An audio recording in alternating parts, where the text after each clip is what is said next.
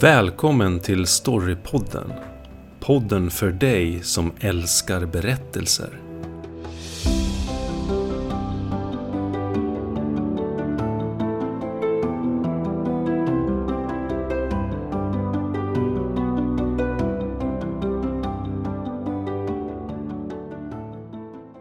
Hollywoodmallen, eh, Hollywoodmodellen eh, har man säkert hört talas om.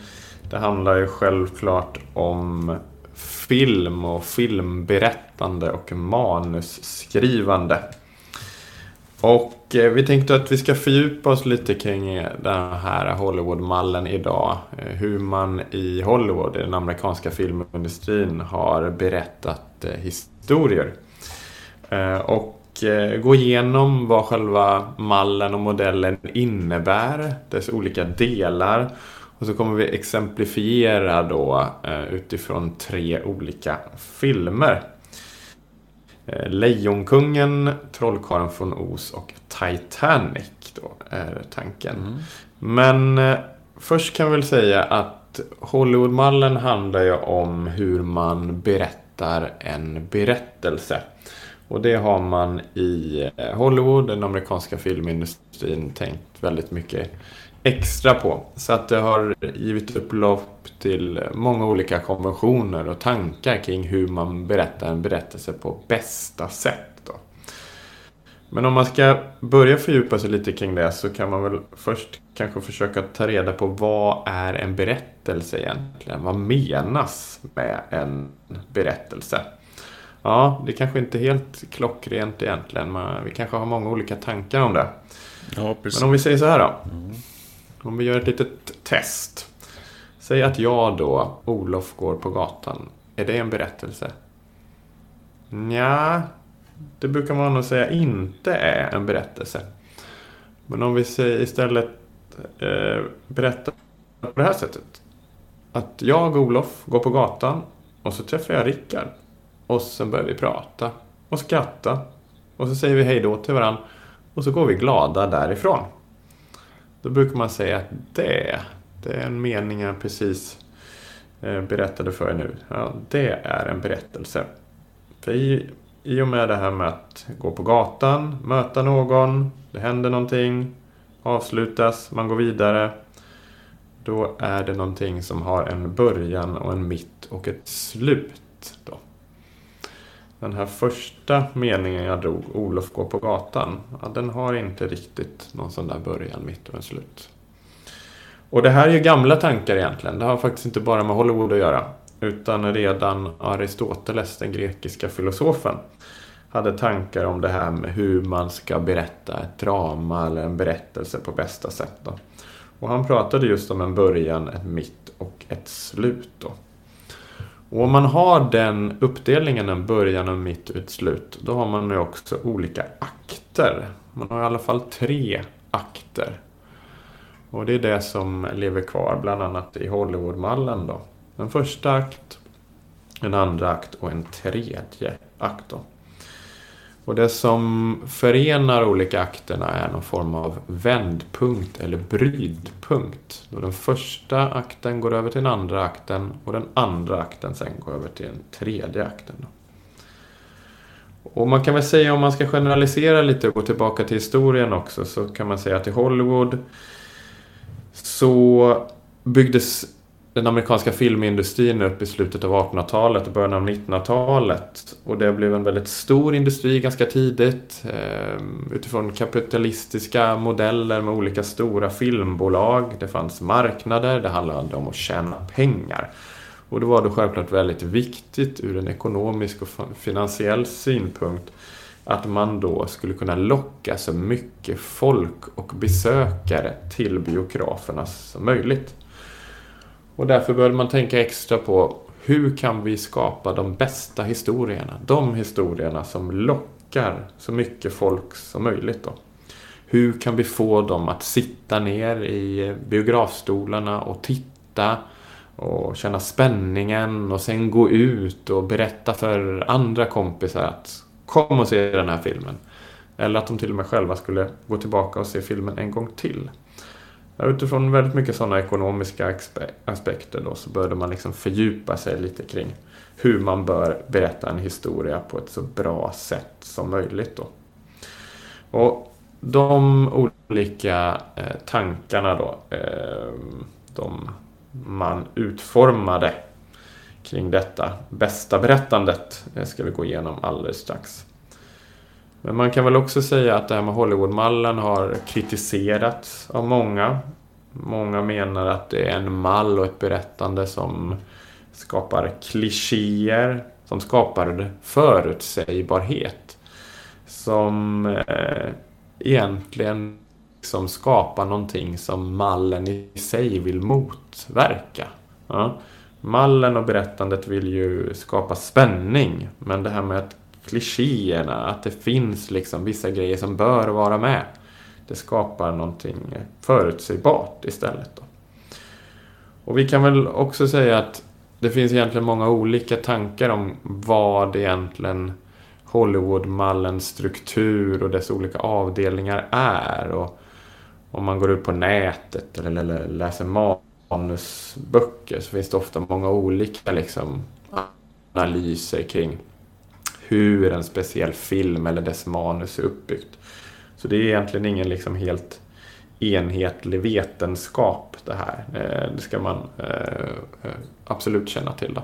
Men det finns ofta liksom en del sådär gemensamma eh, nämnare. Helt enkelt då. Exakt, om jag får bryta in där lite. Mm. Eh, det finns ju många eh, mytforskare som har lagt upp eh, olika teorier eller, eller format för hur man berättar en berättelse på ett bra sätt. Och det, många känner kanske till uh, uh, James Campbells uh, The Hero with Thousand Faces som kom ut 1949 som är något av en, en, en milstolpe inom, inom teorin bakom dramaturgi så för film, filmskapare då, och manusförfattare.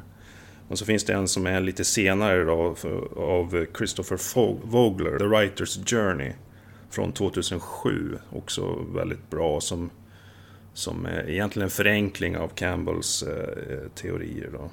Men det finns även tidigare forskare och författare som har sysslat med, med detta som till exempel Vladimir Propp, en rysk eh, litteraturvetare som föddes eh, 1895 och han skrev... Eh, ja, han forskade i ryska folksagor och, och eh, hittade 31 gemensamma drag eller funktioner kring, kring vilka alla sagor var uppbyggda. Då.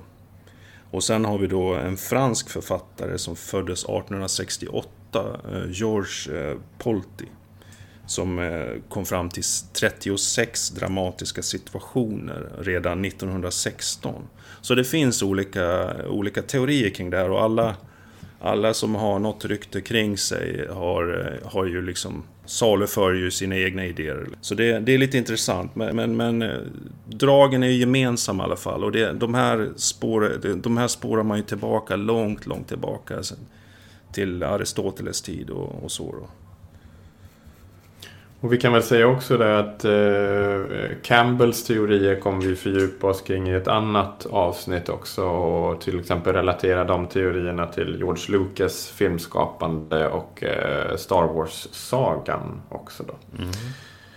Men eh, vad är egentligen Hollywoodmallen? Vad är dess eh, manus eh, eller berättarmodell? Hur ser den dramatiska kurvan ut och dess olika stadier? Vi börjar att fördjupa oss lite kring detta utifrån de här tre filmerna då. Eh, Lejonkungen, det är Disneys tecknade film. Som ju har fått också en eh, icke tecknad film precis väldigt nyligen som har gått väldigt bra på biograferna också.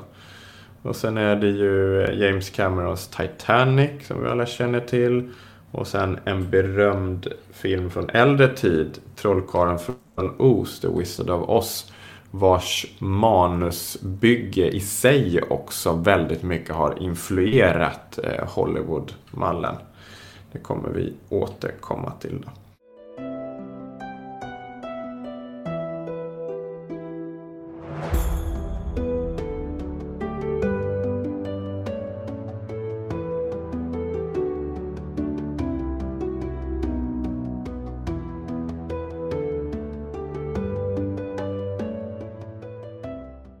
Men hur ser den ut då? Hur startar allting? Hur börjar oftast en Hollywoodfilm? Jo, det börjar ofta med en inledning och ett anslag inledningsvis. I början så är tanken att vi väldigt snabbt ska lära känna huvudkaraktärerna. Mm, de vi ska hoppas och tro på och följa genom historien. Vi ska fort få lära känna miljön som de befinner sig och så grunddragen i själva historien. Du ska snabbt få en känsla av vad det är för film. Så är det ofta i en Hollywoodfilm. Eh, vad det är för slags genre oftast. Eh, och det ska skapas ofta någon slags driv direkt. Eh, som ska ta tag i dig. Fånga dess intresse. Ibland brukar man prata om någon slags hook som ska gripa tag i en. Och i vissa fall kan den här hooken och den här spänningen vara scener eller episoder som man kanske inte alltid liksom förstår direkt. Ja. Det kan vara ett missmasch av olika scener där man kanske får följa olika huvudkaraktärer. Och man vet inte riktigt hur de hänger ihop. Och det skapar en nyfikenhet och en spänning hos oss. Vad handlar det här om? Det är en tidig fråga. Och många av de här äh, manusteoretikerna som vi nämnde lite tidigare, vet jag, de, flera av dem och liknande tänkare har ju sagt att oftast orkar en människa som tittar på en film på det här sättet, man orkar med ungefär 10 minuter sådär, av det här missmaschet av scener där man liksom inte riktigt alltid förstår hur det hänger ihop. Om, om det liksom blir att det går för lång tid där eh, och att man sen tappar tråden. Vad handlar det här nu om då egentligen? Ja, då faller nyfikenheten och då slutar man titta. Men i början, om man håller sig runt 10 minuter brukar man säga, då håller man den här nyfikenheten vid, vid liv. Och när det gäller huvudkaraktärerna så brukar det fördjupas efter ett litet tag då eh, dess begär och behov. Och vad vill de? Deras begär och behov. Vad behöver de? Det behöver inte alltid vara samma sak, begäret och behovet. Ja. Man kanske vill ha pengar men behovet och sen är att inte vara, vara girig utan att bli generö generös till exempel. Då. då har man en inre konflikt inom sig också. Personlighet, eh, karaktärsdrag, intressen, familjen, den nära världen, de närmsta birollerna, bifigurerna, kompisarna, de tidiga relationerna eh, visas upp där i början. Det kan vara så att det läggs någon mindre grund då för då protagonisten, huvudkaraktären, hjälten att eh, någon gång om ett litet tag här så kan det vara någon antagonist, någon motståndare, någon skuggperson, någon utmanare som kanske väntar på något sätt någonstans. En premiss görs tydlig inledningsvis också. Alltså filmens budskap på något sätt sammanfattat i en mening. Till exempel kan det vara att, på något sätt att brott lönar sig inte. Eller att det är en sån fråga som tas upp. Då, någon form av dramatisk fråga. Kring, kring någon form av ämne då, någon tematik som som eh, filmen handlar om. Och den här frågan och den här premissen, protagonisten och antagonisten, de är ju liksom insvepta i en konflikt runt allt det. Men den presenteras ändå ganska ytligt där i början. Ibland anar man bara små spår av den, någon känsla. Men allt de här känslorna och de här spåren ska göra oss nyfikna på att fortsätta titta vidare och dras ännu längre djupare in i berättelsen. Känner du där mer för ehm, inledningen av filmerna ja, eller Hollywood? Det är ju väldigt mycket som ska med i en inledning av en, av en berättelse. Och, eh, när det gäller Hollywood-modellen så är det väl en balans kan, kan jag tänka mig, eller tycker jag, där, där man måste ha med vissa element men samtidigt får man inte göra det för förutsägbart. Det, det är många som... Många filmer man ser där man fattar direkt hur det ska sluta. Efter bara två, tre minuter så, så förstår man ungefär var det, var det ska gå någonstans. Och, och det är inte ofta man blir överraskad i slutet heller. Och det är lite tråkigt. Och då, då har ju inte Hollywood-mallen fungerat tycker jag. Då har man tvingat in berättelsen för hårt i systemet på något sätt.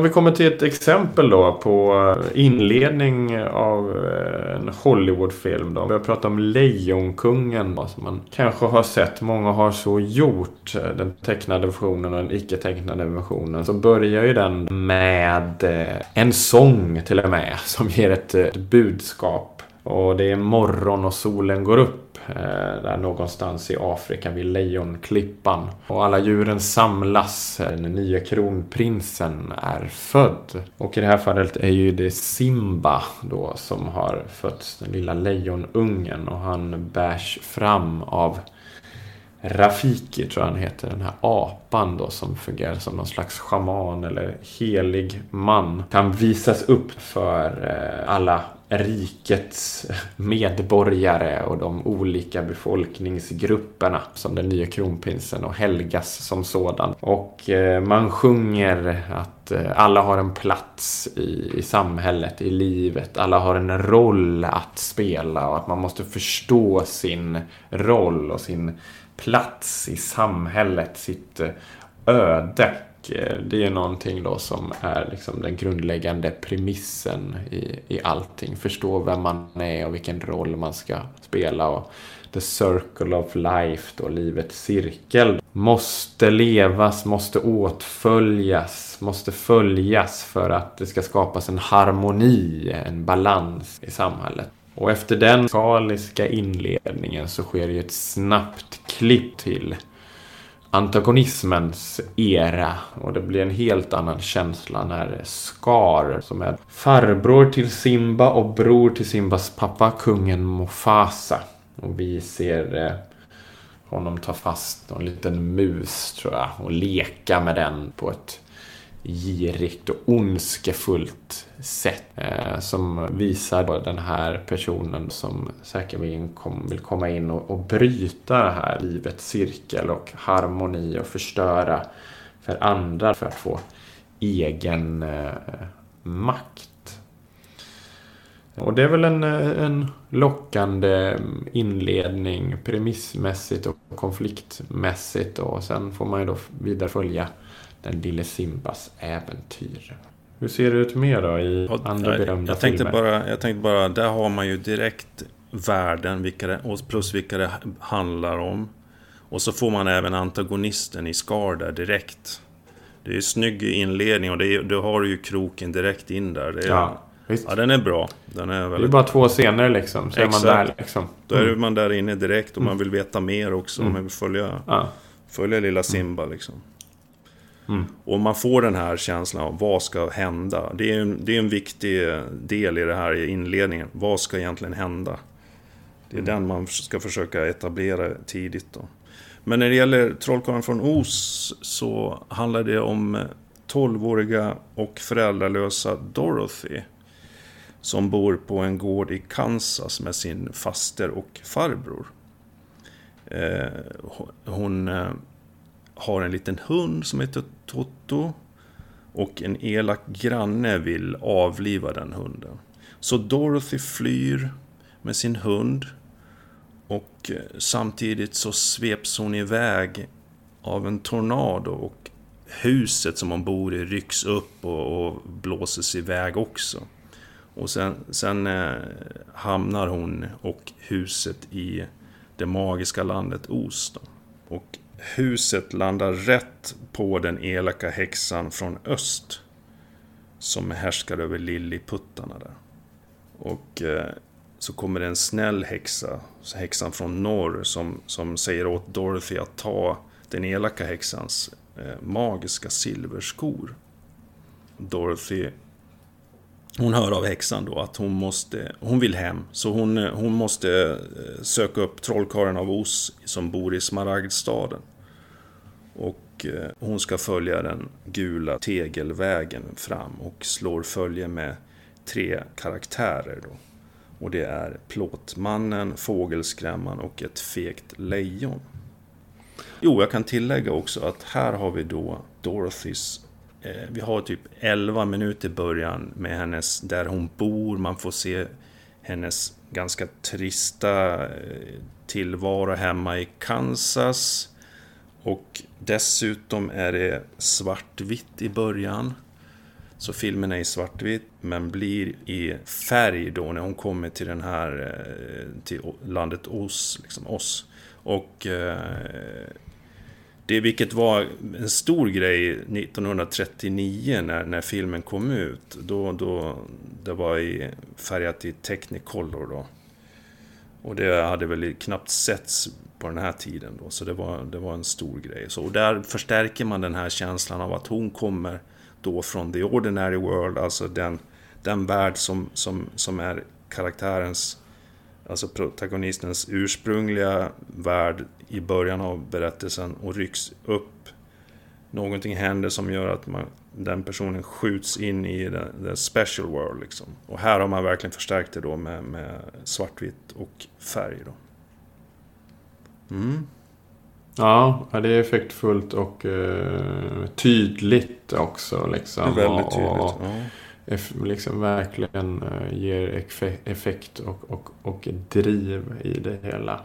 Det hade också varit intressant mm. att se eh, publiken 1939, hur de reagerade på det här. För att på den tiden var fortfarande de flesta filmer faktiskt i svartvitt. Så.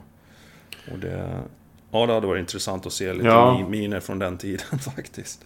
Ja, verkligen. Ja, men det här är ju en film som har varit oerhört banbrytande när det gäller just det tekniska men också det manusmässiga. Att mycket mm. av det brukar man säga som det, när det gäller manus, Hollywoodmallen, manusbygge har väldigt mycket, eller i flera fall sitt ursprung i Trollkarlen från Os. Just de här mm. tydligheterna, de här stolparna, de här avdelningarna är något som dök upp där närmast ja, närmast för första gången. Eller äh, hade sån, sån tydlig effekt. Här kan vi också, eh. här kan vi, förlåt, men här kan vi också säga att här funkar ju modellen. Eller mallen tycker jag med den här filmen. Ut, utan att kännas påtvingad det minsta lilla så. Nej, ja, det fungerar väldigt bra i den, i den genren och liksom dess mm. historien, vad den handlar om. Det, det är en klassisk saga egentligen. Det är ju ja. det, det, och det, alla de här ja. sagoelementen finns ju med i den här berättelsen ja. också. Så det. Hur ser det då ut med Titanic? Den stora Oscarsvinnaren. James Cameron. Ja, det som är lite speciellt med Titanic är ju att den har ju en ramberättelse faktiskt först. Va? Kanske man glömmer bort det ibland. Den börjar faktiskt med vad är det va? Det är några dykare där som håller på och dyker efter eh, det här gamla berömda vraket. Och sen hittar det och åker ner och filmar det. Och sen byggs det upp någon slags ramhistoria då med en äldre kvinna som visar sig möjligen då ha ett eh, väldigt levande minne kring eh, den här båten och dess eh, färd. Och själva ramberättelsen i sig kan man ju säga är ju uppbyggd också självklart som Hollywoodmallen. Men sen har vi en huvudhistoria och det är ju den här gamla kvinnans minne. Det är hon som är Rose och eh, hennes minne av, av sin färd då med Titanic, båten, skeppet. När hon var eh, betydligt yngre. Och om man då börjar historien utifrån det då ser vi ju inledningsvis det stora skeppet öppet direkt. Och vi ser Rose med huvudkaraktären som spelas av Kate Winslet. Hur hon, eh, vilken klass och vilken samhällsklass, social grupp hon kommer ifrån, överklassen. Och eh, hon berättar att hon vill hem och hon har eh, sett sig som eh, alldeles för strikt hållen av sin mamma. Eh, och hon säger att skeppet är som någon slags murar som ska hålla henne bort. Och sen får man också se då antagonisten, Jack, spelad av Leonardo DiCaprio. Som egentligen då kommer från en helt annan samhällsklass. Och någon form av underklass eller arbetarklass. Som är mer av en äventyrare. Och hur han lyckas efter ett kortspel vinna en biljett till den här båten som sen ska ta honom med och förändra eh, både hans och Rose liv. Och det är mycket klipp på eh, båten och alla som jobbar där och vad det handlar om och olika bikaraktärer. Han som har byggt båten och, och kaptenen och andra deltagare i, i, i detta då. Och sen har ju eh, Rose också då en eh, blivande make som följer med också. Tanken är att hon ska gifta sig senare.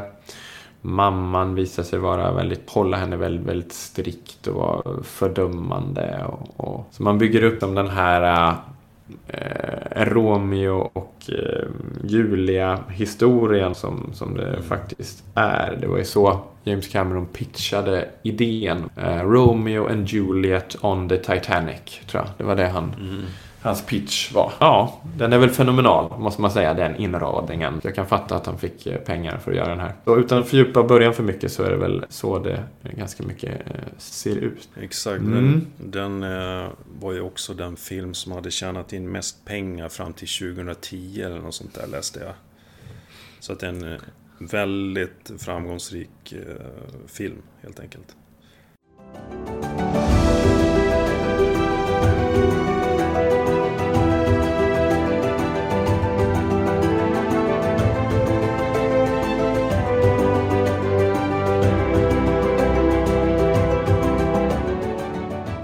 Om vi ska hoppa vidare lite då från början så är det ju så att början har ju någonting också som man brukar kalla för den initierande händelsen. Inciting incident. Den första vändningen då. Då man lämnar eh, akt 1 och går in i akt 2. Det är något som eh, sätts eh, igång. Och du har varit inne på det lite där med trollkaren från Ost och hur, hur man kommer in i antagonismens värld. Eh, konflikten eh, blir tydlig, uppdraget blir tydligt. Eh, man stöter på ett, ett hinder, eh, ännu fler vänner. Eh, en mentorsgestalt dyker upp och försöker förklara och navigera och ge en lite budskap som man möjligen ska eh, ha med sig. I flera filmer är det så att man kanske inte som huvudkaraktär förstår det där budskapet eller mentorskapet direkt utan det är någonting som klickar till lite senare med att poletten eh, faller ner. Men ofta är det så att huvudkonflikten fördjupas, man får veta lite mer eh, bakgrunden till den.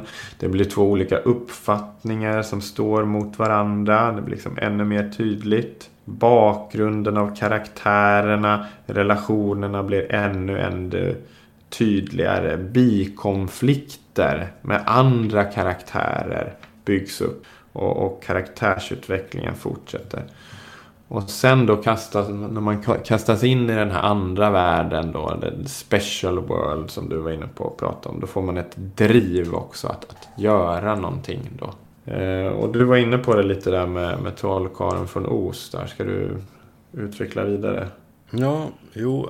Då, Dorothy har ju då kommit till eh, landet Os och eh, har precis eh, Eh, gett sig iväg längs den här gula tegelvägen då och, och eh, slagit med eh, Fågelskrämman, Plåtmannen och Lejonet då.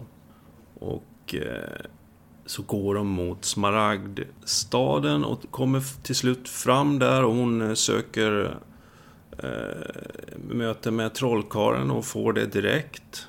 Men då blir trollkaren rädd för att då, han blir rädd för henne när han ser att hon bär den elaka häxans skor. Då. Och han, eh, han säger att ja, men jag kan hjälpa dig om du först eh, ger dig iväg och gör dig av med den elaka häxan från väst. Så han, trollkarlen hoppas egentligen på att, eh, att de ska försvinna för gott då, så, så att han inte behöver avslöja att han egentligen inte är någon riktig trollkarl. Men eh, Dorothy har i alla fall kommit fram och, och det hon vet är att ja, nu ska jag äntligen få komma hem från den här konstiga världen. Då. Så allt är gott i hennes eh, huvud så att säga. Och att, eh, det finns ett hopp där i mitten av filmen. Precis, för den initierande händelsen och eh, inträdet i antagonismens värld leder fram till den här mittpunkten. Och, och eh, i eh, Lejonkungen så har vi ju sett då eh, Simba födas och livets cirkel och alla har sin plats. Och sen då antagonismen, motståndet till Skar då. Som vi ser i utvecklingen av filmen då planerar att eh, dö döda både Mufasa och Simba och eh, ta över makten i eh, Lejonriket då. Det är hans plan. Och um, han pratar lite med Simba och försöker lura in honom på olika saker. För att få bort honom. Han uh, tipsar Simba om att gå till uh, Elefantkyrkogården och dit går uh, Simba tillsammans med Nala, hans kompis då.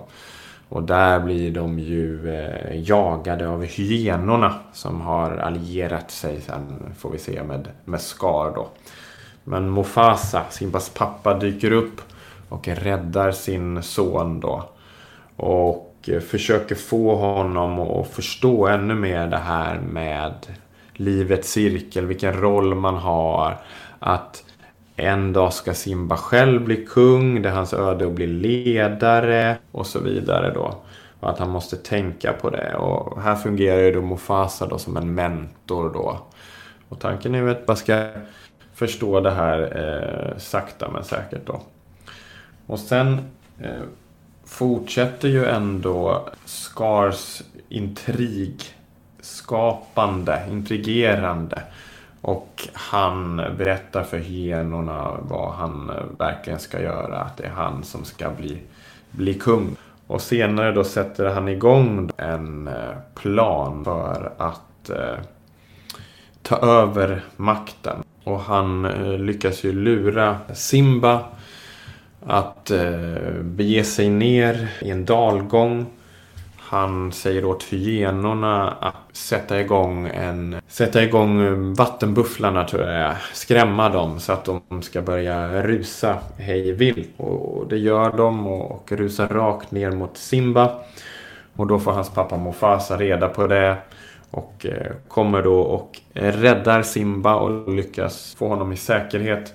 Men när Mufasa själv försöker att eh, rädda sig själv så dyker Scar upp där. Och sätter klorna i eh, Mufasa och eh, slänger honom bakåt till sin död. Ja, Simba upptäcker ju detta.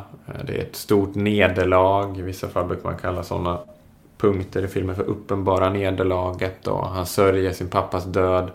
Men Scar dyker också upp och förklarar för Simba att det är ditt fel, allt det här som, som har hänt helt enkelt. Så därför måste du eh, iväg härifrån. Så Simba eh, drar iväg. I Titanic så ska man också ganska betona att det är en väldigt lång film och har väldigt många olika sådana här plot points eller intrigpoänger. Men en stor poäng är just självklart då Jack och Rose möte. Och det är ju efter att Rose har känt sig strypt av alla normer och dogmer och strikta regler och inte får vara sig själv. Ja, så funderar hon på att eh, kasta sig från eh, Titanic eh, och eh, ja, ta självmord. Men precis närmast i sista sekund så dyker ju Jack upp och räddar henne. Och det är deras första eh, möte. Och då kommer hon in då lite mer i hans värld. Han är ju en konstnär, en, en fri själ, en vad man brukar kalla för en vandrande ängel. När vi pratar om Eh, Eh, narrativ och mytologier. Han är ju en karaktär, Jack, som egentligen inte förändras överhuvudtaget. Utan går igenom livet och världen och berättelserna för att försöka förändra andra. Så hon kommer in i hans mer friare och konstnärliga eh, värld och hennes hämningar flyr och hon får vara kanske mer sig, sig själv. Men drabbas samtidigt då av flera hinder och motstånd från sin mamma, från, sin, från samhällets eh, konventioner. Vilket eh, leder sakta men säkert fram mot någon av mittpunkt. Har du några mer eh, tankar där? Hur ser det ut vidare i Trollkaren och så? Hon har ju kommit fram då till Smaragdstaden och fått det här, den här uppgiften så att säga av trollkarlen att ta hand om eh, den elaka häxan från väst. Då. Men, eh, eh, men hon är... Ja, hon... hon eh, hon gör ju det då, men jag tänker man kan, vad man kan säga om mittpunkten lite grann. Det finns ju olika teorier om en mittpunkt också. Att, eh, eh det finns ju en, eh, en, en författare som heter James Scott Bell som också skriver mycket om hur man skriver manus och sånt där. Som, som eh, ser mittpunkten i en berättelse som en spegelscen. Så. Där protagonisten eh, betraktar sig själv och, eh, och, och liksom funderar på vem är jag och hur kan jag befinna mig där jag är och på vilket sätt måste jag förändra mig för att klara av det här problemet. Så det finns två sorter av, av eh, spegelscener, eller spe, eh, mirror moments som man kallar dem. Och Den första är när huvudpersonen funderar på liksom, vad har jag blivit och vad måste jag göra för att förändra mig liksom. Eh, och den andra, andra är eh, när huvudpersonen tänker jag kan omöjligen vinna, jag kommer att dö. Liksom. Så, och det, det är det här eh, ögonblicket är liksom kärnan av, av berättelsen då, enligt James Scott Bell. Då. Jag tycker den är ganska användbar faktiskt för, för mittpunkten i en berättelse. Mm. Jag, Man brukar ju prata om Ja, men jag håller med. Jag, man brukar prata om det här med att ta tjuren vid hornen, the ordeal. Att man, man förstår sin problematik där också. Uh, att det finns en inre psykologisk uh, liksom, uh, mm. driv där eller utveckling då, som ligger i mittpunkten. Men och, och på ett ytligare plan så när det gäller Hollywoodmallen så brukar det ofta vara då som liksom hjälten möter skurken för första gången till exempel. Då. Eh, och, och, ofta har ju det med varandra att göra självklart det här med någon slags inre kris och mötet med den värsta faran. Mm. Man kan ju se, man kan ju se en berättelse enligt Hollywoodmodellen som en, en egentligen ett antingen, ja jag tänker på det som ett psykologiskt problem man, man ställs inför. Och akt 1 är där man går runt och egentligen... Ja, man, man, det är som att ha en liten, en, en liten sten i skon liksom. Man går runt med det här problemet och ältar lite grann. Sen ställs man inför för någonting som gör att man knuffas in i, i, i en ny situation då, akt 2 då, motsvarigheten. Och är tvungen att ta hand om det här problemet. Och, och liksom rent psykologiskt tvungen att förändra sig själv för att klara av att övervinna det här, ja, det här problemet. Då. Och så ställs man, så liksom ställs man inför större och större hinder och till slut, ja, enligt modellen då, kommer det ett klimax och så övervinner man sina problem. Det är lite så jag ser på den, som en psykologisk eh, vad heter det, eh, utveckling helt enkelt. Jo, men jag håller med. Pratar vi lite Lejonkungen där så eh, har ju Simba då efter att blivit närmast förvisad av Skar tagit sig utanför Lejonriket. Och där har han ju då träffat Timon och Pumba. Hans nya vänner. Och börjat leva efter livsstilen då Hakuna Matata. Eh, det är så berömda. Att liksom ta eh, dagen lite som man kommer att inte ha några bekymmer. Och egentligen är ju det en episod och ett motto som då liksom egentligen står i kontrast till, till det Simba bör göra. Vilket är eh, faktiskt ganska intressant. Man kanske tycker själv att Åh, allt är så jäkla positivt här med Hakuna Matata och de dansar och sjunger och så. Men mm. egentligen är det inte jättebra för Simba. Ja? För eh, han bör faktiskt inte köra inga bekymmer utan han måste ta tag i sitt bekymmer. Eh, och det är att förstå vem man själv är, vilken plats han har. Och i Lejonkungens mittpunkt eh, så är det att, att den här apan är ändå Rafiki som också då har ett slags mentorskap och reda på att Simba lever och de träffas och, och, och, möts och han försöker eh, ge några kon av att, att eh, Simba är egentligen den rättmätige kungen. Han är sin far. Hans far lever vidare i honom. Och nu Simba så måste du nog försöka förstå det här att du nu måste tillbaka och liksom rädda eh, lejonriket. Och i Titanic så är det så att efter eh, det motståndet som Rose har mött eh, alla de här konventionerna, sin mamma, fästmön, eh, när hon börjat umgås ännu mer med Jack och hans mer friare sätt att, att leva så kommer hon till någon slags ordil eller då hon tar tjuren vid hornen att hon bestämmer sig för att nej, jag kommer inte gifta mig med min fästmö. Jag kommer inte leva det här livet som du har bestämt för mig mamma. Jag kommer gå med Jack. Uh, när uh, vi kommer i land med skeppet. Och då kolliderar skeppet med isberget. Spännande. Så det är, då, då brukar, bryter verkligen helvetet löst. Ja. ja, men det är ju också perfekt malla. Måste verkligen, man säga. verkligen. Ja, det är snyggt gjort.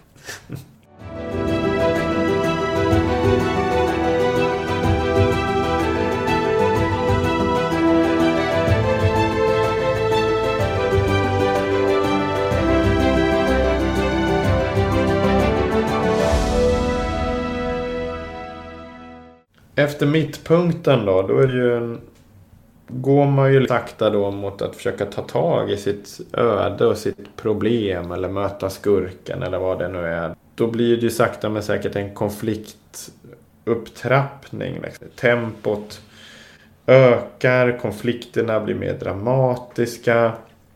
Eh, hotet ökar.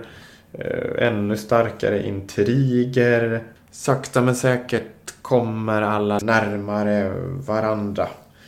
Till någonting som man i Hollywood-sammanhang brukar kalla för the point of no return. Mm. När man har kommit för långt för att gå tillbaka. Och det är det som då lägger upp sen ribban då för en slutlig klima. Hur ser det ut i Trollkaren där? Vad, vad händer? Eh, jo, Dorothy och hennes sällskap, de här tre. Plåtmannen, Fågelskrämman och Lejonet då är ju på väg till den här elaka häxan från väst som bor i en stad som heter Winky. Och under vägen så händer det massa saker. De, de eh, möter på lite fiender eller motstånd och hinder sådär. Och bland annat lite talande träd som är lite otrevliga. Och, eh, eh, och fågelskrämman fastnar i någon ja, han fastnade i någonting, någon spik eller något sånt där. Jag kommer inte riktigt ihåg hur det är. Jag kommer inte ihåg det riktigt. Men, så hon måste hjälpa honom loss från den. Och så, måste hon, och så börjar ju plåtmannen och gnisslan något otroligt. Så att hon måste ju olja in honom lite grann också. Och sen har vi då lejonet som är så fegt att eh, Dorothy måste hjälpa honom att övervinna sin, sin rädsla då. Så det, det, är egentligen en road movie då, på väg mot mm. Winky där. Mm. Det är själva konfliktupptrappningen. Det händer lite grejer på vägen då. Och de får ta itu med sina, sina eh, ja, inre problem, liksom sina psykiska problem om man säger så. Då. Psykologiska problem, ska jag säga. Ja, ja men det är Och vad, mer, vad, mer, vad mer man kan säga, förlåt, men vad mer man kan mm. säga om, om själva eh, det som händer före och efter mittpunkten, det är ju att i liksom, första delen av akt 2 så har ju huvudpersonen kanske gjort ett försök att övervinna problemet fast använder samma metoder som, som den personen alltid har gjort och misslyckas. Därför ställs den inför en situation där man, jösses, jag måste förändra mig för att klara av det här. Och då i, i andra delen av akt 2, då börjar personen förändra sig och kom, liksom, för att kunna klara av det här så rent psykologiskt är det ju en före och efter situation på något sätt. Kan man säga. Det, det ser man ofta i Hollywoodmallen tycker jag. Hur såg det ut i, i Lejonkungen där då? Jo, men då eh, ökar ju problematiken då för, för, för Simba. För att han möter ju apan och får reda på saker och ting och, och så.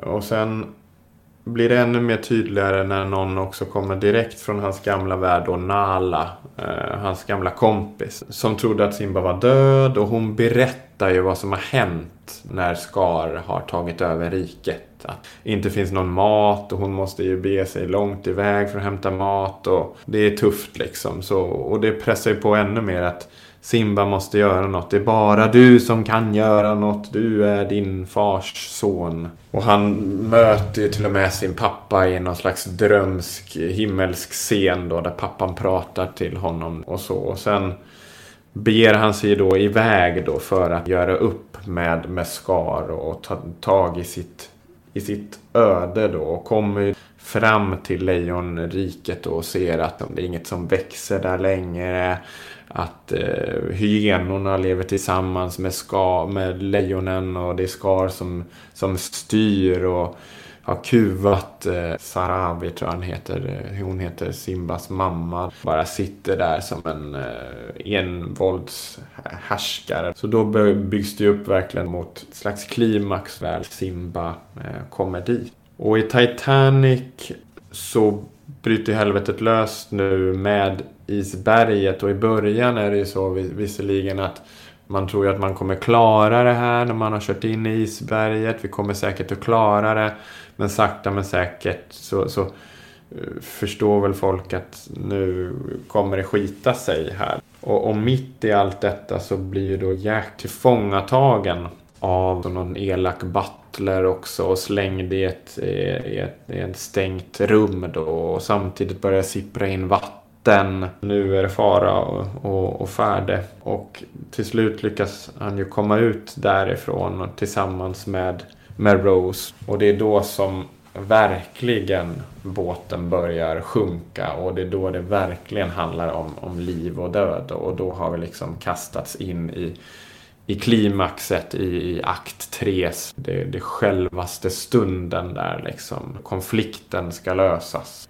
Och det handlar ju väldigt mycket Hollywoodmallen att, att konflikten dras till sin spets. Att, att det är nu det verkligen ska avgöras. Vem ska vinna på något sätt? Eller vem ska få tjejen? Eller vem ska få killen? Eller ja, och så vidare. Och det är nu allting ska förlösas. Alla våra känslor, alla förhoppningar, all spänning som vi har haft med oss. Oftast i i en, gärna då enligt Hollywoodmallen i en enda specifik scen då där allt löses. Och i flera fall så, så brukar man ju ha någon slags kamp som är också det kan vara en inre kamp hos huvudkaraktären eller också en yttre kamp mot andra antagonister eller skurkar. Men också ett slags moraliskt dilemma som den här karaktären, huvudkaraktären ställts inför. Vilken sida ska han eller hon välja? Och det här ska ju också då pumpa upp våra känslor väldigt mycket som publiken. Vi ska verkligen hoppas för för våran hjälte eller våra hjältar. Vad händer med Dorothy där? Hur går det för henne? Jo, Dorothy och hennes tre vänner här nu då har kommit fram till eh, den elaka häxan från Västs eh, slott då. Och eh, de blir helt enkelt tillfångatagna av häxan. Och allt ser väldigt, väldigt mörkt ut. Så det är upptrappningen av ska hon verkligen klara av att komma hem nu. Hon, hon sitter inlåst och allt hopp verkar försvunnet nu. Det är eh, klimaxet här. Och sen eh, sätter, jag tror, om jag minns rätt så sätter den elaka häxan från väst eld på fågelskrämman. Och Dorothy ska kasta vatten över honom, en hink vatten. Men missar honom delvis och träffar häxan som inte tål vatten och, och liksom smälter. Så. Och det är så hon övervinner den här häxan då.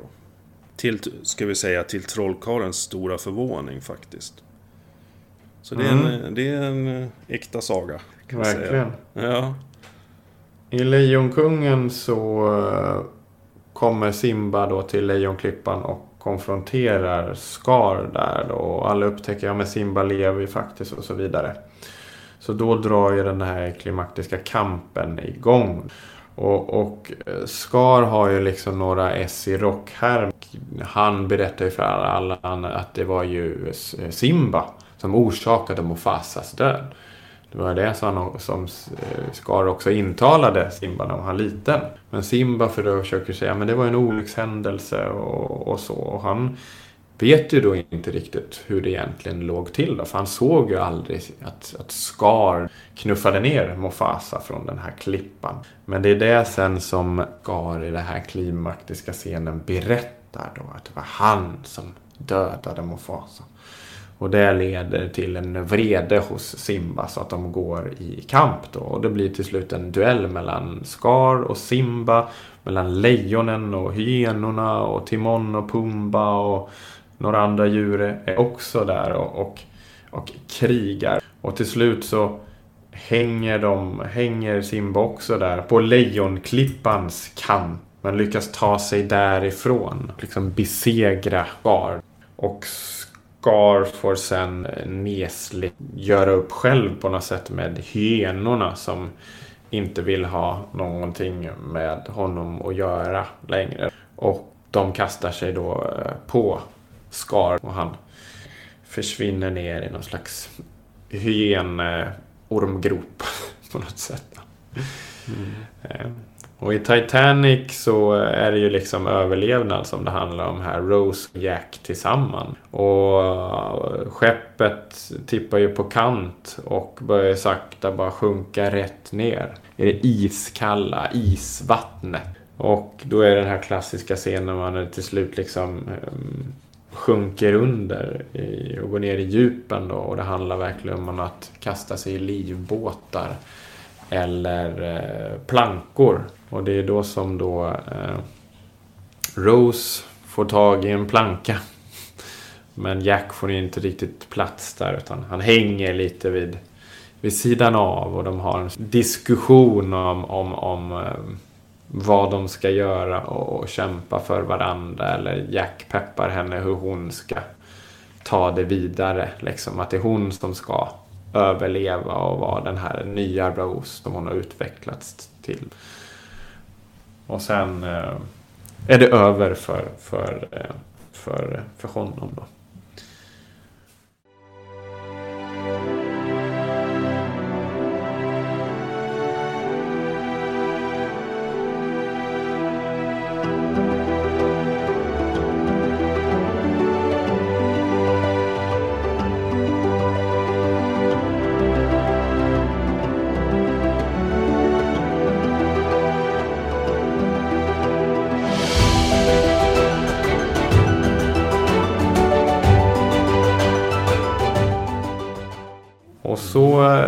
Ju då att klimaxet och kampen då resulterar i ett resultat helt enkelt då som mer är avslutningen på filmen enligt Hollywoodmallen. Det ska rundas av. Ja, det går ner i tempo här efter det hektiska. Vad blev följderna av den här kampen? Vad har eh, huvudkaraktären lärt sig? Vad är den sociala återkopplingen? Hur kommer huvudkaraktären tillbaka till den första världen på något sätt? Där den gick ifrån. Och vad får dess nya jag för effekter för den här gamla världen då som den återvänder till. Och det är då, det kan bli ofta ett happy ending enligt eh, Hollywood-mallen. Tjejen och killen får varandra eller något liknande. Och vilket, då... vilket, ja, vilket också kan kännas onaturligt i slutet ofta i Hollywoodfilmer kan jag tycka. Det kan kännas lite påtvingat med, med lyckliga slut ibland faktiskt. Absolut. Och det har väl också väldigt mycket också just med de här finansiella och ekonomiska faktorerna men också liksom målgruppsanalysen. Liksom. Det är ofta mm. man har hört att de har testat filmer eller olika versioner av filmer för en testpublik. Och ofta verkar det ändå som om liksom de här, det man har hört i alla fall, testpublikerna vill ha de här lyckliga sluten. De eh, buade åt när det blev mer tragiskt när de inte fick varandra eller huvudkaraktären inte förstod vad han skulle göra eller han eller hon skulle göra i slutet liksom eller gjorde bort sig eller något liknande. Mm. Så ja, men det är intressant. Det blivit happy ending. Mm. Ja, men det är intressant med slut på berättelser för de mm. sätter de sätter ju eftersmaken av den så att säga. Och eh, vi, vi, i ett annat avsnitt i säsong 1 så pratar vi lite om, eh, om av, eh, slut av filmer så, så lyssna gärna på det också. Det är tio bra filmslut, heter det.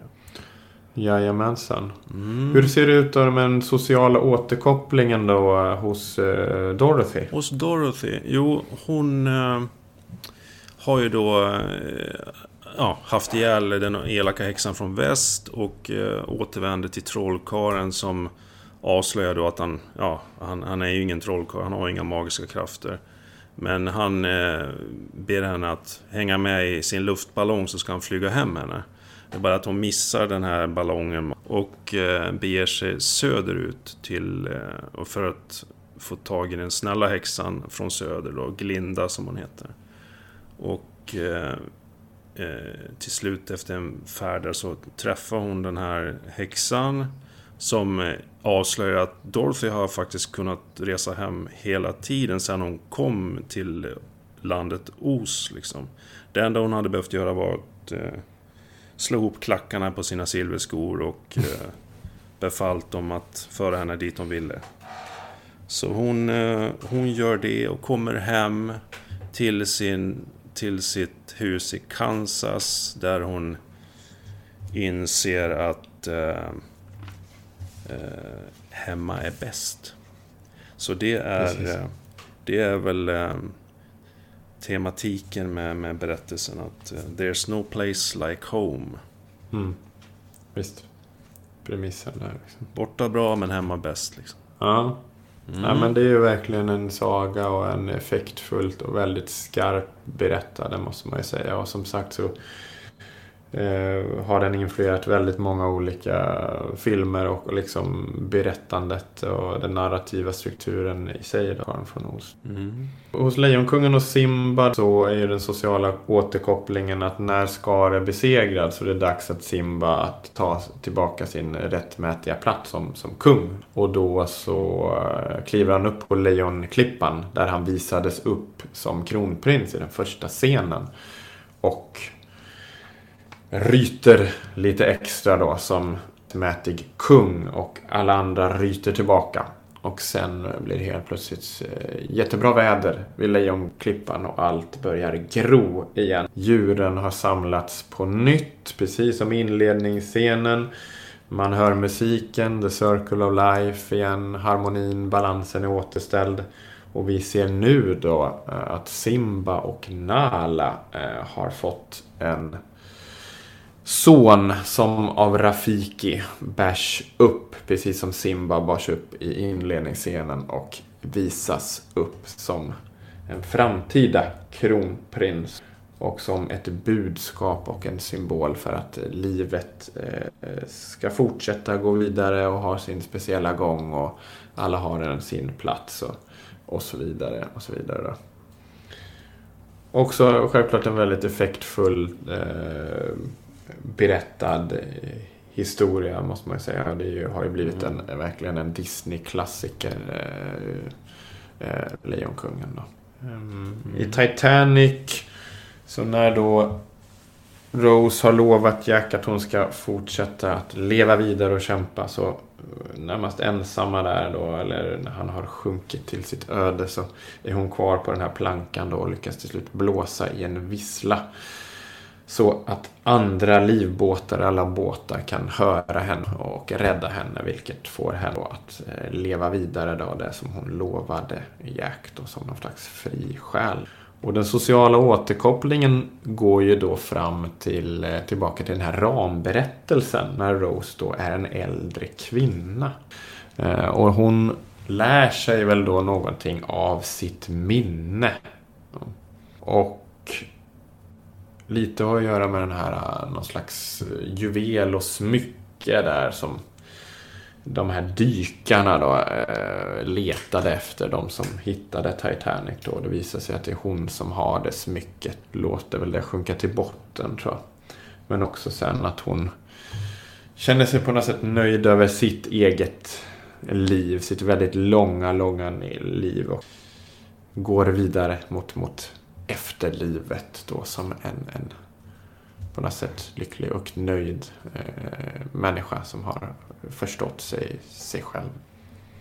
Också självklart väldigt effektfullt eh, berättad. Mm, James Cameron är en av de eh, stora Hollywood-makarna. Eh, med många storfilmer och han är inte bara en teknisk regissör som han kanske har rykte om sig att vara just med till exempel Titanic och Terminator och Alien 2 och eh, Avatar och allt det här. Men han kan ju också faktiskt skriva manus. Eh, och det har han ju verkligen visat med Titanic också. Där man ändå i flera fall väldigt mycket faktiskt måste liksom djupanalysera manuset verkligen för att hitta många skarvar ibland. Det är, den, det, det är en ordentlig intrig, det är ett stort persongalleri, det är mycket som händer som gör att man liksom ändå fängslas av allt runt omkring. Och den, är inte, den är ändå liksom otroligt spännande fast vi vet vad som ska hända. Liksom. Det, det är ju så. så ja. ja, jo, så är ja. det ju. Mm. Det är en av de få filmer man vet mm. verkligen hur det ska sluta. Liksom.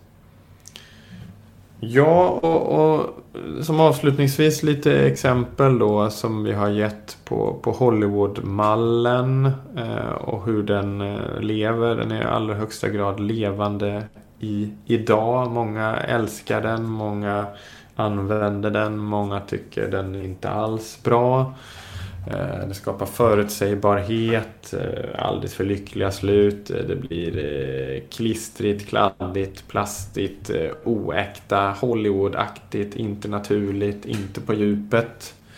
Kan man väl säga om den bitska kritiken. Men i flera fall så, så, så, så finns det ändå mekanismer här och verktyg och, och, och tankar som används för att kunna ändå berätta en historia på, på ett effektivt sätt. Jag menar själva filmmediet i sig handlar ju om att man har inte så jättemycket tid. Va? Utan det handlar om en och en halv till två timmar och berätta den här historien jäkligt rappt. Och man kan inte ha med allting. Det är ingen roman här som det handlar om. Utan man måste klippa i väldigt mycket och man måste hitta de här nyckelscenerna och de måste kanske portioneras eller eh, positioneras på ett speciellt sätt för att man ändå ska kunna skapa ett, ett driv och en spänning i, en historia. Och det har man liksom verkligen dragit till sin spets i, i Hollywood och i den amerikanska mm. filmindustrin. Exakt, exakt. Jag tror ändå ett, ett stort problem med Hollywood-modellen är ju ändå att man, man kanske har gjort det mer till en regel för att så här ska det vara än att än att ha det som eh, vad ska man säga, vägledande principer att det här, så här skulle man kunna berätta en berättelse. Så. Och det är väl det som är problemet, att man har gjort mer dogma av det liksom. Mm, och visst. att man till och med, vad jag har hört i, i Hollywood, sitter och, och klockar saker. Ja, Man sätter igång en klocka. Där kommer eh, inciting incident. Där kommer mittpunkten. Och sitter de och verkligen kollar upp liksom, när den kommer i tid och så. Att det verkligen passar in. Och passar det inte in då får de klippa av någonting. Så att det passar. Mm, visst. Ja. man brukar ju prata om liksom ja, 20 minuter eller något liknande från mm. någon insight i Nissan. Men det har ju självklart att göra med den hela längden. Liksom. Men mm. som du säger, att man verkligen klockar och, och liksom att det ska vara rätt proportion. Ja, men filmen är, är 90 ehm, minuter och då ska eh, Insight Incident vara efter mm. 20 eh, minuter liksom för att det verkligen ska ge det här drivet. Ja. Inte för mycket dödtid och konflikt där och liksom spänning och nu måste det hända något. och, så ja, vidare, liksom. och det är väl det, för att återkoppla till det jag ja, sa i början. Mekaniskt liksom. Det är ju svårt då att, mm. sväva ut och ta ut svängarna med, med, det det det med ett sånt system. Och då, då får man ja. inte och därför alla filmer som tar ut svängarna, de, de hamnar i något annat fack. Det är konstnärliga filmer eller något sånt där dumt. Ja. Eller europeiska mm. filmer. Och då. Precis, verkligen. Men, men egentligen är det ju samma form eller modell man egentligen använder. Det är oftast treaktsstrukturen vi berättar i. Det... Ja, det är ju så. Det finns ju något naturligt kanske ändå där. Ofta är det så att man tänker så här, ja men nu ska jag inte tänka Hollywoodmallen utan nu ska jag bara köra på och berätta min historia som jag vill den. Och sen mm. går man igenom historien och sen bara så analyserar man den efter ett tag och så tänker man, men fan det här blir ju ändå lite som Hollywoodmallen med tre mm. akter. Och det finns ju något lite evigt i det där och det har ju lite med de här mytforskarna som vi pratade om i början med Joseph Campbell och, mm. och, och hans tankar sådär. Man, eh, ja, det, det, det är komplext man ska också och ganska spännande. Ihåg, mm. jo, man ska också komma ihåg att vi är ju uppfostrade sen, sen mm. vi är bebisar och mm. lyssnar på sådana berättelser. Ja, det finns något, något evigt där liksom ja, också. Mm. Mm. Ja, men själv så kan man väl säga när man håller på att pilla med sin egna historia att menar, man använder väl sig av den här narrativa strukturen ibland för att liksom just strukturera upp en berättelse så där så man känner att man får en ram kring det. Att i vissa fall, ja men här behövs det någonting och då kanske man har Hollywoodmallen eller någon annan sån här mytmall i huvudet som man, ja men just det, det brukar vara en sån grej, ja så plockar man in den ungefär och ändrar lite, ja men då blir det någorlunda bra. Men sen kanske man försöker bryta lite sådana här klichéer ibland liksom och göra oväntade saker. För det är ofta då det blir spännande. Idag är ju liksom Hollywoodmallen så, så, så inpräntad som du säger i mångas huvud. Liksom omedvetet att många som verkligen vill berätta en stark historia de försöker liksom att kanske bygga upp mot någon form av Hollywood-kliché och sen bara totalt vända den på ett helt annat sätt. Och mm när man får till de effekterna, det är ofta då, nu för tiden, som man verkligen drar igång den här nyfikenheten, spänningen. Ja, men hur gick det nu då? Nu dog ju han, men han brukar ju inte dö, den där karaktären liksom. Eller man ja. bryter upp tids, uh, tidsaspekten, som jag tänker på mm. Pulp Fiction till exempel. Eller mm. vad hette den där då? Memento. Mm. Man berättar en berättelse baklänges. Eh, det finns ju några sådana varianter på det hela också. Men... Ja, det finns väldigt mycket att säga om Hollywoodmallen som vi inte har ens... Men... Eh, mm. Intressant. Vi kommer tillbaka ja, till den. Mm. Man kan både hata den och eh, mm. älska den på något sätt. Den är ju...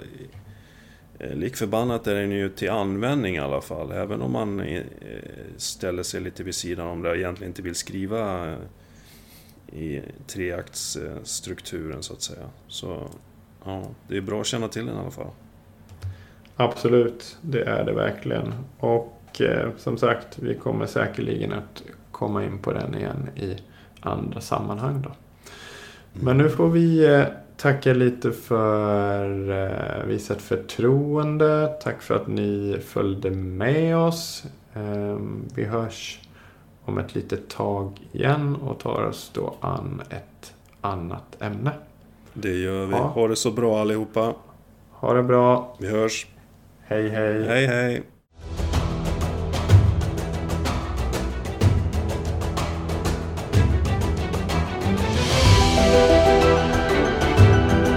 Du har lyssnat på Storypodden med Olof Tiderman och Rickard Eklund. Fler avsnitt, info och tips hittar du på www.storypodden.se. Du hittar oss även på sociala medier, Facebook, Twitter och Instagram.